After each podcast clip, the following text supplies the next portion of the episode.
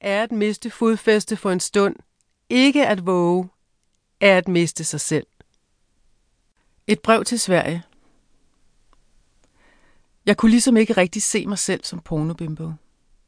Selvom min seksualitet måske var meget pornoagtig, så var jeg en pæn pige. I hvert fald i mit eget hoved. Tak. Mit rigtige navn er ikke Katja Keen, hvis nogen skulle tro det. Det var ikke det navn, der stod på min dåbsattest, da jeg blev født på Frederiksberg i februar 1968. Og det var heller ikke det navn, min mor, far eller storsøster, mine naboer, lærere eller veninder kaldte mig, da jeg voksede op i et parcelhusområde i Avedøre i 70'erne og starten af 80'erne. Katja Keen var et personligt brand, og det er selvfølgelig det, mange kender fra pornofilm, interviews i medierne og rollen i den danske tv-serie Langt fra Las Vegas. Det var et navn med sit eget liv, og i modsætning til det rigtige navn er det mit eget, selvom dette kan lyde paradoxalt. Men det er det jo, fordi jeg selv har fundet på det og givet det et indhold.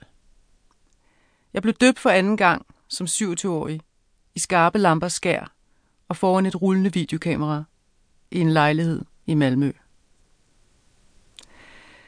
Jeg er hverken splittet eller skizofren, men efter at være startet med at lave pornofilm som Katja Keen, samtidig med at jeg havde et privatliv i ly af mit rigtige navn, kunne jeg åbent udtrykke forskellige sider af min personlighed under de to identiteter.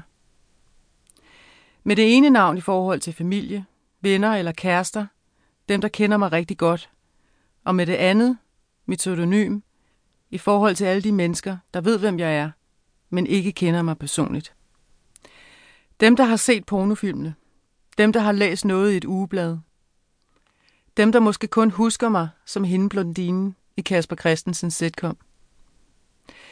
Mange af de sidste opfatter mig som pornostjernen, eller eks-pornostjernen, Katja Keen, som de enten accepterer eller tager afstand fra. Hvilket jeg egentlig ikke har det dårligt med. Men fælles for alle dem, der har det sådan, er nok, at de undrer sig over, hvordan det begyndte. De undrer sig over, hvorfor i alverden jeg gjorde det. De undrer sig over, hvornår jeg traf beslutningen om at ville gå ud af den vej. Som om de på forhånd forventer, at kun et ydmygende menneskeligt nederlag, uheldige sociale omstændigheder, lang tids pinagtige overvejelser eller ydre pres og tvang kan føre en ind i pornoindustriens verden. Ingen af delene var tilfældet. Hvor komplekse årsagerne og forudsætningerne end måtte være, hvis man ser det igennem et mikroskop, så var debuten i pornobranchen på én gang både mere tilfældig og mere frivillig, end de fleste forestiller sig. I sommeren 1996 bor jeg i en lejlighed på Frederiksberg sammen med min daværende mand. Og en aften ser vi en pornofilm. Vi kunne godt lide at se pornofilm en gang imellem. Det tændte os begge, og nogle gange havde vi sex imens. Det har vi også den aften, hvor vi så en film fra det svenske pornofirma Max.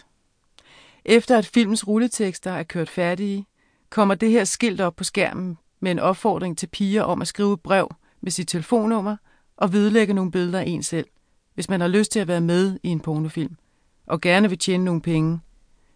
Et skilt med en postboksadresse i Sverige. Gud, hvorfor gør du ikke det? spørger min mand pludselig spontant. Hvorfor sender du ikke nogle billeder ind til dem og spørger, om de kan bruge dig i en film? Ej, hvad har du gang i? Nu må du lige, svarer jeg, nærmest forarvet. Mig i en pornofilm? Helt ærligt, skat. Hvis jeg ikke havde kendt min mand, var jeg måske aldrig kommet ind i pornobranchen. Uden at han på nogen måde pressede mig til det. Men det var faktisk hans forslag. Hans idé. Havde man spurgt dengang, ja, havde man spurgt dagen før, om jeg kunne forestille mig at arbejde i pornobranchen, at have sex med fremmede mennesker foran et kamera, ville jeg have afvist tanken. Jeg var fordomsfuld over for pornobranchen, selvom jeg kunne lide at se pornofilm, og havde vel den samme opfattelse af den som så mange andre yngre kvinder. Alligevel var det samtidig spændende, fordi det var noget forbudt. Og det forbudte har altid piger mig, har altid provokeret mig til at overskride grænser. Det trigger en side af min personlighed, som er virkelig vild og fanden i vold.